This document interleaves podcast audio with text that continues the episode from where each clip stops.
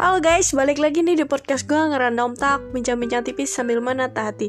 Nah kali ini gue bawa topik yang baru, jadi so pastiin lu bakalan tetap stay di podcast gue ya. Oke? Kali ini gue mau bahas tentang manajemen perasaan atau bagaimana tentang mengelola perasaan. Nah sebelum lu tahu tentang bagaimana mengelola perasaan, lu harus tahu perasaan itu yang sebenarnya apa sih gitu yang selama ini lo pakai gitu tuh apa perasaan itu apa jadi perasaan itu dikenal sebagai keadaan sadar seperti yang dihasilkan dari emosi, sentimen ataupun keinginan. Perasaan itu dapat diartikan berbeda dengan emosi loh dalam pengertian emosi yang bersifat universal. Sementara perasaan adalah respon yang dipelajari tentang sebuah keadaan emosi di lingkungan atau kebudayaan tertentu. Jadi, oleh karena itu, perasaan mengisi penuh kesadaran manusia setiap saat dalam hidupnya, termasuk dalam memperkuat untuk memperlemahkan tindakan. Apa aja sih yang termasuk perasaan itu? Ya, di antaranya kayak bahagia, sedih, takut, jijik, marah, suka, ataupun sayang gitu. Kenapa sih perasaan itu harus ada? Karena emosi merupakan bagian terpenting dari manusia serta aspek perkembangan yang terdapat pada setiap manusia emosi itu punya andil dalam mendorong manusia untuk bertindak dalam melakukan sesuatu. Tanpa emosi, manusia tidak akan terdorong untuk melakukan sesuatu, baik itu hal simpel seperti makan, bahkan sampai kompleks seperti kerja. Emosi itu bisa muncul setiap saat loh. Setiap ada stimulus atau rangsangan dari luar emosi itu. Bisa muncul kapan pun dan di mana pun emosi itu selalu ada di setiap aspek dalam kehidupan.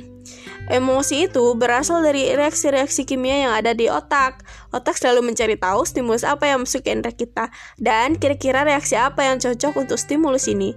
Meluapkan emosi dan amarah bukanlah melakukan sesuatu yang salah, sebaliknya, menyembunyikan amarah dan emosi dapat mengakibatkan gangguan kesehatan fisik dan tetap perlu mengendalikan emosi dan amarah. Tidak apa-apa untuk mengekspresikan emosi dan kemarahan, tetapi yang perlu diperhatikan adalah luapan emosi yang tidak boleh dibiarkan. Maka daripada itu kita perlu untuk mengelola perasaan dengan baik. Terus caranya gimana? Yaitu caranya yang pertama yaitu meditasi.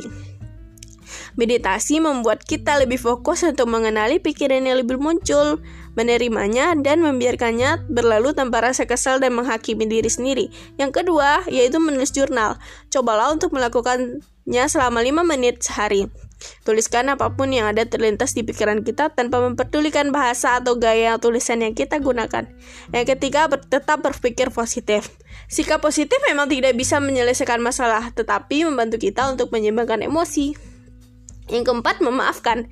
Wajar jika kita merasa kecewa dengan hal buruk yang terjadi, namun terlalu larut dalam kekecewaan, hanya membuang waktu saja. Sebaiknya, kita berdamai dengan keadaan dan memaafkan yang telah terjadi. Setelah itu, kita fokus pada apa yang bisa kita lakukan untuk masa depan. Yang kelima, bercerita. Memendam emosi negatif hanya memperburuk keadaan dan membuatnya meledak di kemudian hari. Untuk menghindari hal tersebut, sebaiknya kita menceritakan apa yang kita rasakan pada orang terpercaya. Yang keenam, meminta bantuan profesional. Kondisi sulit sering kali membuat kita merasa kesulitan, terutama ketika kita tidak bisa melakukan apa pun yang ber untuk memperbaiki situasi. Ketika berada dalam situasi tersebut, tidak ada salahnya nih kita minta bantuan pada profesional.